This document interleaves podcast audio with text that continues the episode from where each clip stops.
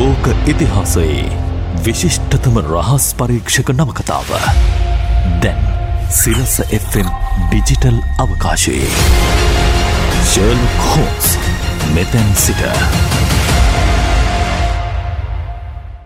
The disappearance of Lady Frances Carfax නම් වූ Sherlock Holmes රහස් පරීක්ෂක කෙටිකතා වැසුරෙන් ආනන්ත අමරසිරි සිරසට රචනා කරයි. අතුරුදන් වූ පෙම්වතිය අද දෙවනි කොටස. යාන්තන් ඇති. පුරුදු නවාතැනට ආවම ගමන් විඩාව නිකම්ම නැතිවෙල යනවා. ආ මේ බලන්න හෝම්ස්. අපි එන්නත් කලින් විදුලි පණිවිඩයක් ඇවිත් වගේ. බලන්න මොකද කියලා. ආ කෝ බලන්ද හරි මේක තමයි මම බලාපොරොත්තුවෙන් හිටිය ටෙලිග්‍රෑම් එක.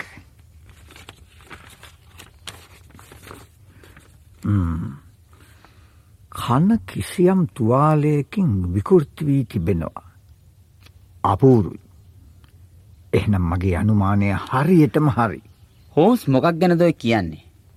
මට නම් කිසි දෙයක් තේරුම් ගන්න බෑ. ඒක හරි ඔබට මතකත ඔබ බාඩන් වලට ගිය වෙලේ මං විදුලි පණවිඩයක් එවපු විත්තිය ඔවු මතකයි. ඒ විදුලි පණවිඩෙන් ඔබ මට ප්‍රශංසා කරලා තිබුණනේ. ඇත්ත ඒත් ඒක මම සඳහන් කරපු එක කාරණයක් ගැන ඔබ අවධානය යොමු කළෙන් නැහැ මොකක්දේ කාරණේ. ආචාරය ස්ලැසිංජගේ වංකනේ ස්වරූපය මොන වගේද කියලා විමසා බලන්න මං ඔබට උපදෙසක් දුන්නා. මම හිතේ ඔබ විහිළුවක් කලා කියලා. අනික ආචාර ස්ලැසෙන්ජයගේ වම් කන ගැන හොයන්න මට මිනිිය මුණ ගැහුණෙත් නෑනේ. හරි ඒක එහෙම උනදෙන්. ඔබට වගේම මම බාඩන්වල හෝටල් කළමනාකාරයටත් ඒ ගැන හොයන්ට දැනුම් දුන්න. ඒකට ලැබුණු උත්තරේ තමයි මේ විදුලි පනිවුඩේ. ඒ කියන්නේ ආචාරය ස්ලැසෙන්ජයගේ වම් කන විකෘති වෙලා.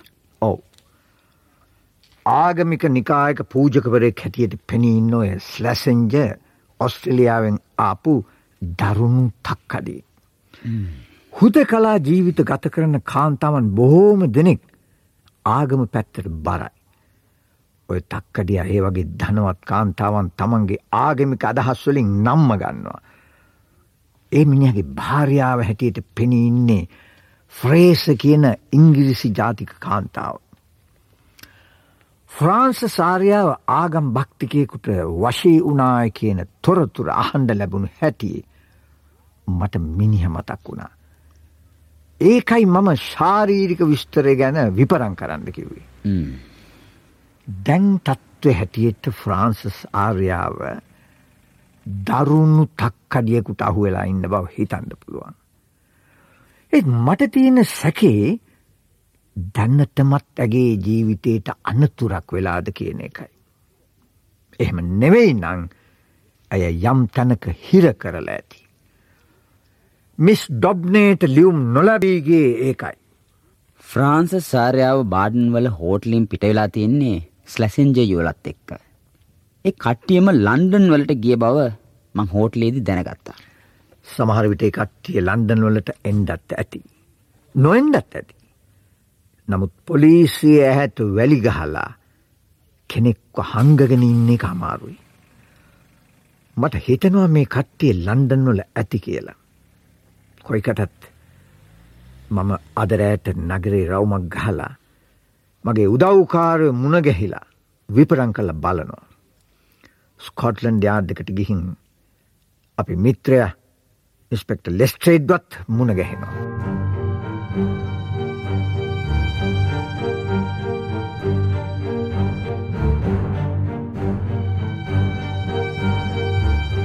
හෝම්ස් දැන් අපි මොකද කරන්නේ. අපි බලාපොරොත්තු තියාගෙන හිටපු එකම තැනකින්වත් අපිට හරි හෝඩුවාවක් ලැබුණේ නෑනේ.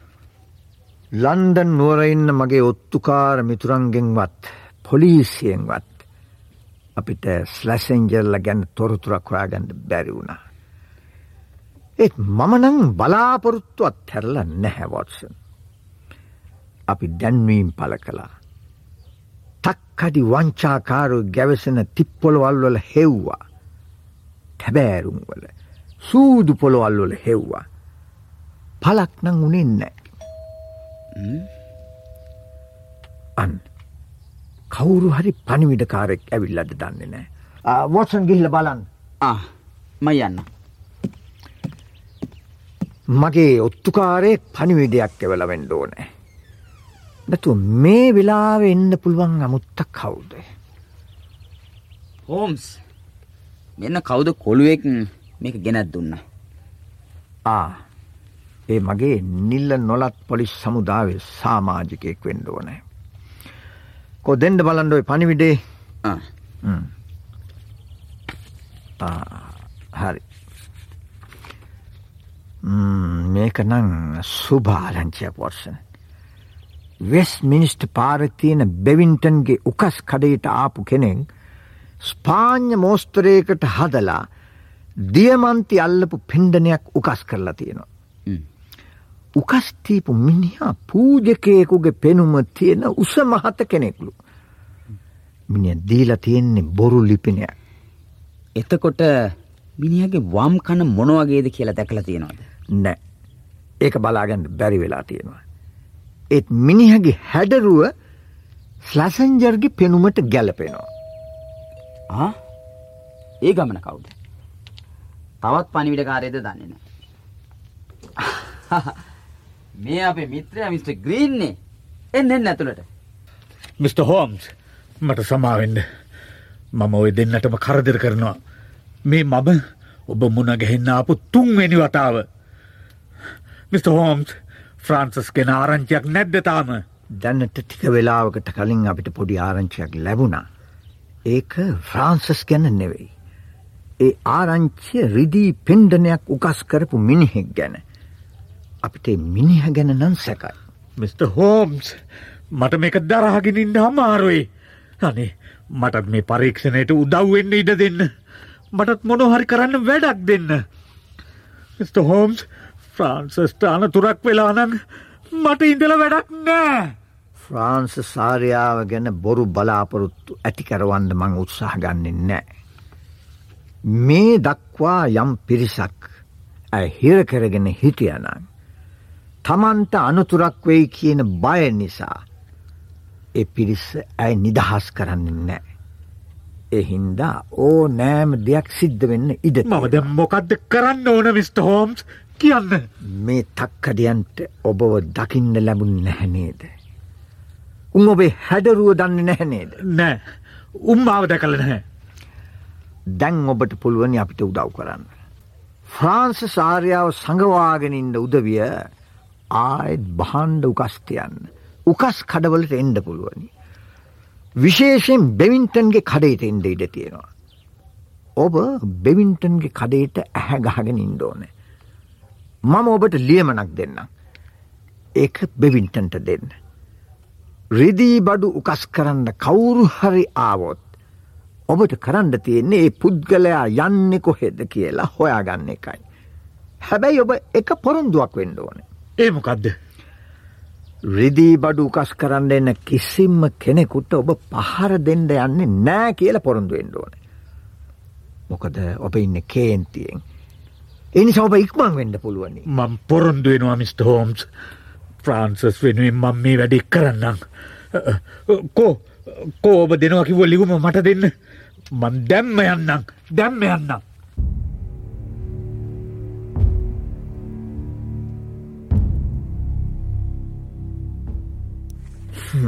දැන් දවස් දෙකක් ගත වුණා. අපේ යාළුව ග්‍රීන් මොනුව කරගත් අද දන්නේ නැහැ වොටසන්. මිනිහ අන්තිම වතාවට ආපු වෙලාවෙ හිටියේ හරිම හිත් වේදනාවෙන්. ඇඟ පතත් වැහැරිලා ගිහිල්ලා කියලායි මට නම් හිතුනේ. ෆ්‍රාන්ස සාර්යාව ගැන එයාගේ හිතේ තියෙන ලොකු බැඳීමක්. අර බලන්න වොටසන්. ඔය ජනේලෙන් බලන්න. කවුද එන්නේ? අපේ යාළුව ග්‍රීන් නේද? නිහ එන්නේ නම් හරිම කලබලෙන්. මොනු හරි ඔත්තුවක් ලැබිලා ඇති. දොර ඇරලා නිසා මෙහාට මෙයි.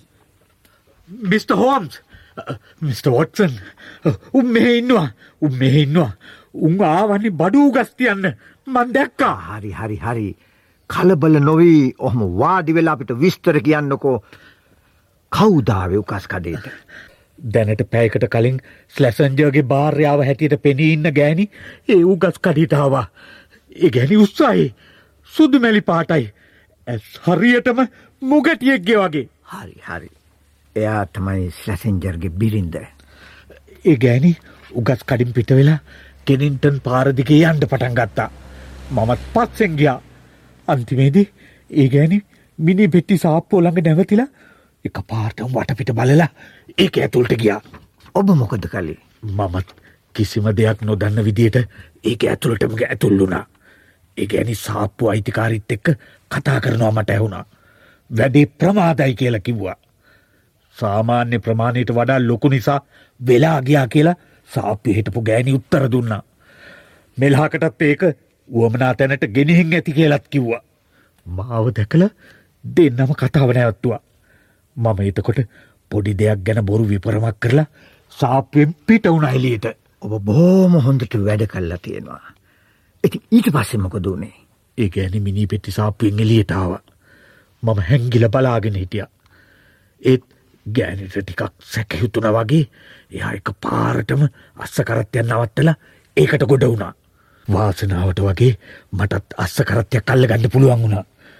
ඒ ගෑනි නැකපු කරත්තේ ගේ බ්‍රික්ස්ටන් වල පොල්ට්නේ චතුරශ්‍රයට එක නොම්මර තිස්සයි අංකේ තිබුණ ගේළඟ කරත්ති නෑත්තුවා. මමත් එතන පහුකරගෙන කරත්ති ගිල්ල ඇතට වෙලා බැහලා බලාගෙන හිටිය. ඒ නිවසි කවුරුත් ගැවසෙන බව ඔබ දැක්කද. පහල එක කාමරේ කැරෙන්න අනෙක් හැම කාමරේකම තිරරේදි පහලට දාලා තිබුණා. කිසිම දෙයක් මට බලාගණ්ඩ බැරවුණ. කරන්න මොකද කියලා හිත හිත ඉන්නකොට වටේම වහපු වෑන් එකක් ඇවිත් ඒගේ ඉස්සරහපිට නැවැත්තුවා. ඒකෙන් බැහැපු මිනිස්සු දෙන්නෙක් වෑන් එකින් මොකක්දෝ එලියට අරං ඒක ගේ ඇතුළට අරංගිය. මට හොඳටම විශ්වාසයි මිට. ෝම්ස් ඒක මිනි පෙට්ටියක් අපි හරි පාරට වැටනෝවාකයි. මගේ හිතවාවගණ්ඩ බැරි වුණා මට මන්සූ දනංුණේ උන්ගේ උන්ගේ ඇඟට කඩා පනින්ඩ. එතකොටම තමයි දොරඇරල පෙට්ටිය ඇතුළට ගත්තේ. අර උස ගෑනි තමයි දොර ඇරී. ඒ ගැනි මාව දැක්කා. මව අඳුරගත්තා. ඒකම දොර වැැහුණා. මම ඔබට දීපු පොරොන්දුව නොවෙන්ඩ ඕ මෙලාකටත් මංගුන්ව පරලෝ යවලා. ඔබ මොලේ පාවිච්චි කල්ල වැඩ කටයුතු කල්ලති නොමිස්ට ග්‍රීන්. මම දෙන්න මේ ලියමන්න ඉන්ස්පෙක්ට ලෙස්ට්‍රේට්ට දෙන්ඩ. නීති මේ අවසරයක් නැතුව අපිට ගේ පරීක්ෂා කරන්න බෑ. සර්ච් වොරන්ට එකක් ගන්න ලෙස්ට්‍රේට් කටයුතු සූදානන් කරාවි. මේ ආභරණ උගස් කිරීම ගැන කියලා ඒ වැඩේ කරගන්න පුළුවන් වේවි. දැම්මම යන්න. ඒ අතරේ උම් ප්‍රාන්සස්වම් මරල දමාවි. අර මිනි පෙට්ටි තේරුමමොකක්ද. උන් උන් ඒක ගේන්ඩ ඇත්තේ ප්‍රාන්සස් වෙනුවෙන් මිසක් වෙන කවුරුවත් වෙනුවෙන් නෙවෙයි. මිස ග්‍රීන් ඇය වෙනුවෙන් කරන්න තියෙන හැම්ම දෙයක්ම අපි කරනවා. අපි මොහොතක්කත් ප්‍රමාද වෙන්නේ නෑ. ඒ වැඩේ අපිට බාරදීලා මිට. ග්‍රීන් ඔය වැඩේට යන්න. හොඳ හොඳයි එන මයි යන්නම් මිට. හෝම්ස්. වොටසන් ඇයි හෝම්ස් මිට. ග්‍රීන් නිත්‍ය සේවේ නිලධාරීන්ට මේ ගැන කියලා කරන්න ඕන දේ කරාවි. අපි අනියම් නිලධාරීන් හැටියට අපිට හුරු පුරුදු ක්‍රම අනුගමනය කරන්න ඕනේ. ඔව උදා වෙලා තියෙන තත්ත්ව හැටියට අපිට රෙජු ක්‍රියා මාර්ගවලට බහින්ඩ වෙයි. එ හොඳද නරකද කියල බලබලායින්ඩ වෙලාවක් නෑ. අපි වහාම පලොට්නි චතුරස්්‍රයට අන්ඩ ඕන ඉක්ම කරමු. වොටසන් අපි මේ කතා ප්‍රවෘත්තිය නැවත ගොඩනගල බලමු. මේ තක්කඩී මුලින් ප්‍රාන්සස් ආර්යාව ඇගේ සේවිකාවගෙන් වෙන් කෙරෙව්වා. ඊට පස්සේ තමන් එක්කල ලන්ඩන් නුවරට යන්න ඇයව පොළඹවා ගත්තා. ෆ්‍රාන්ස සාරයාවගේ මිතුරියට යවාප ලියුම් මගති හොරෙන් ගන්න මේ උදවිය කටයුතුේදවා. උන්ගෙම හිංචයියකුගේ මාර්ගයෙන් ලන්ඩනයෙන් ගයක් කුලියට අරගණ්ඩත් කටයුතු කරලා තියෙනවා. කොහෝම හරි ඒ ගෙට රිංගගත්තට පස්සේ උන් ෆ්‍රාන්සස් ආර්යාව ඒක ඇතුළේ හිරකාරයක් කළා. ඉම් පස්සෙ තමයි පණ වගේ ආරක්ෂා කරගෙන තිබුණු වටිනා දියමන්ති ආභරණ උන්ගේ අතට ලැබෙන්ඩ ඇත්ති. මුල හිටම්මුන් ඒවට ඇහැගහගෙන ඉන්ඩ ඇති. දැනට මත්තුන් ඒ ආභරණ විකුණන්ද උකස් කරන්න පටන් අරන්න. කිසිම කෙනෙක් ෆ්‍රාන්ස සාරියාව ගැන හොයන එකක් නැහැ කියලා උන්ට හිතෙන්ඩ ඇති. දැඟ නිදහස් කරන්න උන්ට කොහෝමුවත් පුළුවන්කමක් නෑ. එහෙම කළොත් තමන්ව හිරකරගෙන හිටපු තක් කඩි ගැන පොලිසියට එලි කරාවි. එත් හැමදාම තාරියාව හිර කල තියාගෙනන්න උන්ට බෑ. ඇව මරල දමන එක තමයි උන්ට තියෙන් එකම විසඳු. ඒක නම් බොහෝම පැහැදිලි තත්ත්වයක් හෝම්ස්. එකම කරුණ ගැන මාර්ග දෙකක් ඔස්සේ කල්පනා කරගෙන යනකොට. එක් ස්ථානයකෙදි මේ මාර්ග දෙක එකිනෙක හා සම්බන්ධ වෙනවා. එක සාමාන්‍යෙන් අදාළ කාරණය පිළිබඳ සත්‍යයට බොහෝම සමීපයි. අපිට මේ කතාව ආර්යාවගෙන් පටන් නොගෙන මිනි පෙට්ටියෙන් පටන් ගනිමු. එතන හිටන් මුල දක්වායම්. කෙටියෙන් කිව්වොත් අග ඉඳල මුලටයම්. මිනි පෙට්ටිය සාධකයක් හැටියට ගත්තොත් ඒකෙන් කියවෙන්නේ එක දෙයයි. එක කියන්නේ ආර්යාව මියගෙහින්. අනික ඒ අනුව අපිට පැහැදිලි වෙනවා. ආර්යාවගේ අවසන් කටයුතු ඉතාම නිවැරදිව කරන්න යන බව. ඒ කියන්නේ අදාළ වෛද්‍ය සහතික නීත්‍ය අනුකූල අවස්සරය හෙම ඇතිව. යම් විදියකින් ආර්යාව මරා දැම්මනං උන් කරන්න ඇගේ මලකඳ ගේ පිටි පස්සෙම වලලල දමන එකයි. ඒත් දැන් වැඩ කෙරේගෙන යන විදියට නම් පේන්නේ මෙතන අභිරහසක් නැති හැඩයි. හැම දෙයක්ම බොහෝම විවෘතව කෙරෙනවානේ. එක බොහෝම වැදගත් කාරණයක් පොට්සන්. ඇත්තම මේ තක්කඩි මොකක්ද මේකින් බලාපොරොත්තුවෙන්. මරණ සහතිකේ දෙන වෛද්‍යවරයා රවටන්න පුළුවන් වන විදිහට. ස්වාභාවක මරණයක් සිදුවුණු බව මවල පෙන්නන්න ඇති. වෛද්‍යවරයත් උන්ගෙම හිතවතෙක් නෙවෙයිනම්. මේ වගේ වැඩකට සහය කරගන්නෙත් නෑ. ඒත් ඒකනම් බොහෝම කලාතුරකින් සිද්ධ වෙන්න පුළුවන් දෙයක්. පොරු මරණ සහතිකයක් හදාගන්න උන්ට බැරිද. එක බොහොම අවධානම් වැඩක් වොත්සන්. ඒ නිසා එහෙම දෙයක් නොකරන්ඩ ඇති කියලායි මම හිතන්නේ. මේ ළමයා කරත්තය ඔහොම නවත්තනවා. අපි ආවේ උකස් කඩේ පහු කරගෙන. මේ තියෙන්නේ මිනි පෙට්ටි සාප්පුව වොටසන් ඇතුළට ගිහින් බලනවාද. ඔබේ පෙනුම නිසා කඩේ අයගේ විශ්වාසි දිනාගන්න ඔබට පුළුවන්. හෙට පෝල්නි චතුරස්්‍රය අවමගුල සිද්ධ වෙන්න කොයි වෙලාවටද කියලා සාපුකාරගෙන් අහන්. හොඳයි මං ඒ ගැන දැනගෙනන්න. මේ තක්කඩී ෆ්‍රාන්ස සාර්යාවගේ මරණය මේ තරං විවෘත්තුව කරන්න යන්නේ. උන්ගේ සැලසුම් අකුරටම ක්‍රියාත්මක වෙච්ච නිසා වෙන්න ඕනේ. බලමු. ඔය එන්නේ වොට්සන්. හෝම්ස් සාප්පුව ඉන්න ගෑනු මනුස්සය කියන විදියට අවමගුල සිද්ධ වෙන්නේ හෙට උදේ අටට.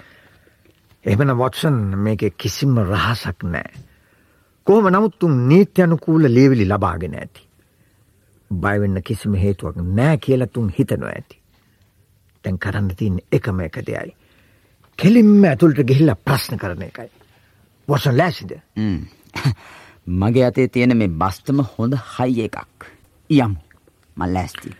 සාධාරණ සටන තුංගුණයකින් ශක්තිමත් කියල කතාවක් තියෙනවා. පොලිසිය මෙතන්ට එනතුරු බලායිඳල වැඩක් නෑ. ඒවගේම මේ වෙලාවෙ නීති ගරුක වෙලා මේක කරන්න බැහැ. ළමය ඔය කරත්තේ අරගෙන යනවා. මෙන්න කුලි. දැ යනවා. එමනම් වොටසන් අපි දෙන්න එකතු වෙලා ආය අපේ වාසනාව උරගාල බලමු. ඉන්න. මං දොරේ සීනුව නාද කරන්න.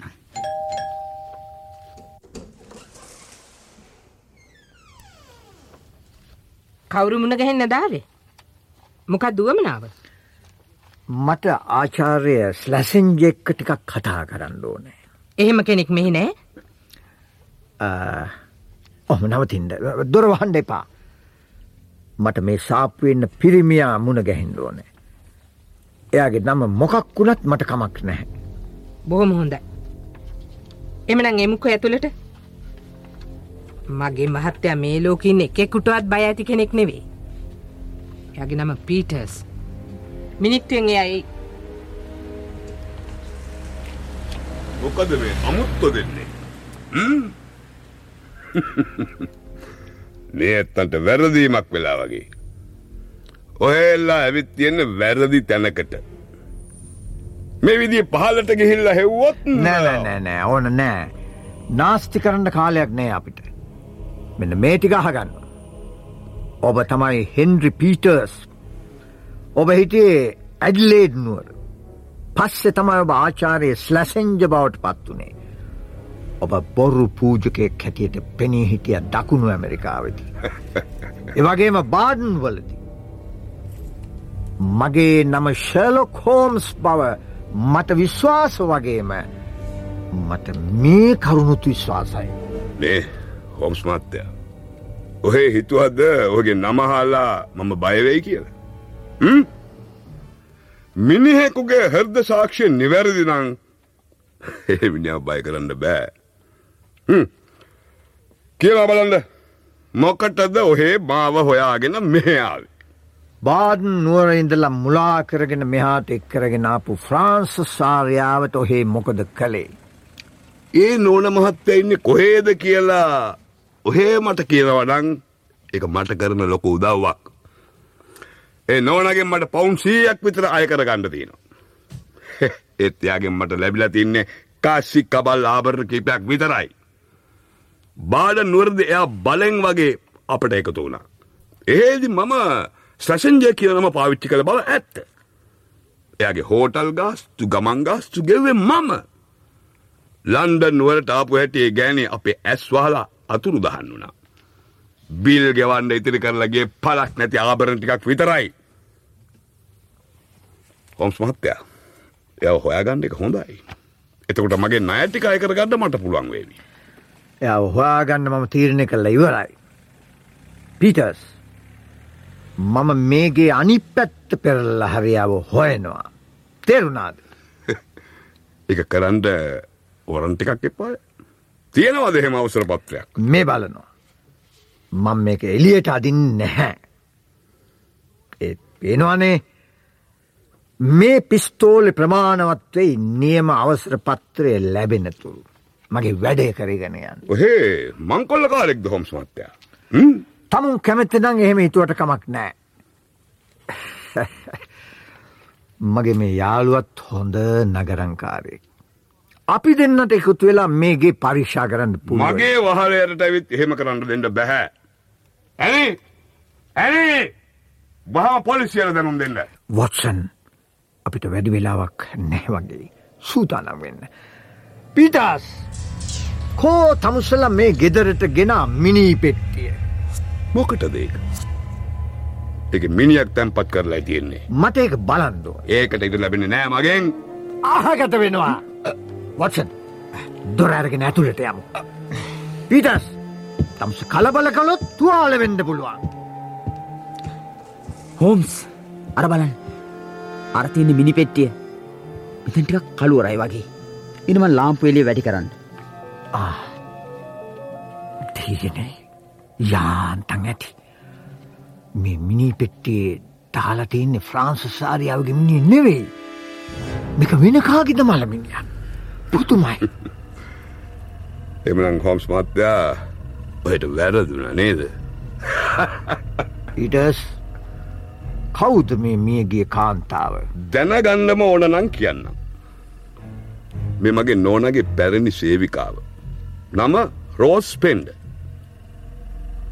එමනුස්්‍යවායසට ගිහින් බ්‍රික්ස්ටන් වල අනාතයන්ගේ රෝහලේ ඉන්න බව අපට ආරංචි වුණ. අපි එයාව මෙහෙ කරගෙන ඇවිත් දොස්තර හෝසම්ට පෙන්වා ප්‍රතිකාර කළා. එත් තුන්වෙනි දවසේ මනුස්්‍යයම් මලා. දොස්තර මහත්තයා සාතිකයක් දුන්නා එයා මලේ වයස් ගත වෙලා අබල දුබලවීමෙන් කියලා. මේ විස්තරවල මොනවහරි දුරලකමක් තියෙනවද හොම්ස් මහත්තයා.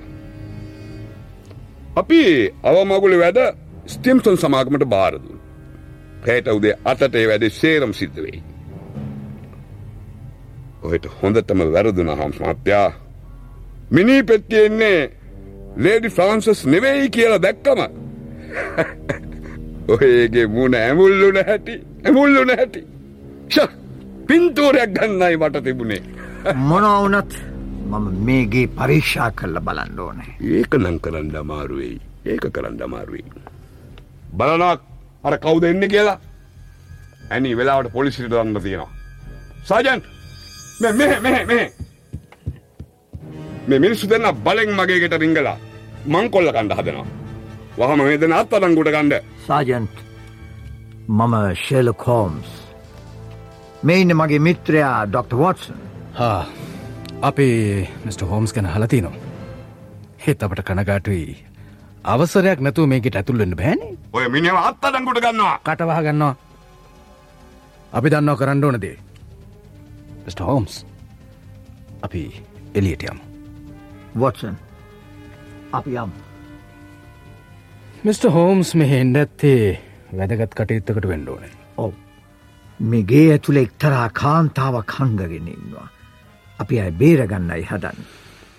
මිට. හෝම්ස් අපි මේ නිවස ගැන විපරිමෙන් ඉන්න මොනවහරි අමුත්තත් දැන්නොත් අපි දැනුම් දෙන්න හොඳයි. වොටසන් අපි දැන්ගිහින් අපේ ඉතුරු වැඩ ටික කරමු. බ්‍රික්ෂ්ටන් වල අනාතිංග රෝහල්ට ගිහින් හොයල බලන්ඩුවනේ. දොස්තර හෝසම්ගෙනුත් කරුණුවීම සණ්ඩවෙයි. හෝම්ස් උදේ අටට අවමගුල සිද්ධ වෙනවා. ඊට කලින් අවසරපත්‍රය ලැබෙයිද. මොකද කිව්වේ අවමගුල උදේ අටට කියලයි මං කිවේ. ආ, හරි ලෙස්සෙට් කොහොමරි වෝරන්ට කාරගෙනේවි. නඩුකාරයගේ අස්සන ගන්න එකයි තියෙන ප්‍රමාදේ. අර තක්කඩි මිනිහා පීටර්ස් අලී අමාරුකාරයෙක්. මිනිිය කියාපු කරුණ අපි පරික්ෂා කළා ඒවන් නිවැරදි. ඒත් කොතන්න කාරි වැරද්දක් තියෙනවා වත්සන. එලි වෙන්න තුරු මට නින්ද කියනෑ. දැක් වෙලාව කියද වොටසන් දැන් හත පහුවෙලා විනාඩි විස්සයි. තියනේ එනම් අට තව ටික වෙලාවයි තියෙන් අපි මොනාරි කරන්න ඕන ඉක්මන් කරමු වත්සන්. ඉක්මන් කරමු. අපි යමු. ප්‍රමාද වුණොත් ෆ්‍රාන්ස සාරියාව බේරගන්න බැරිවේවී.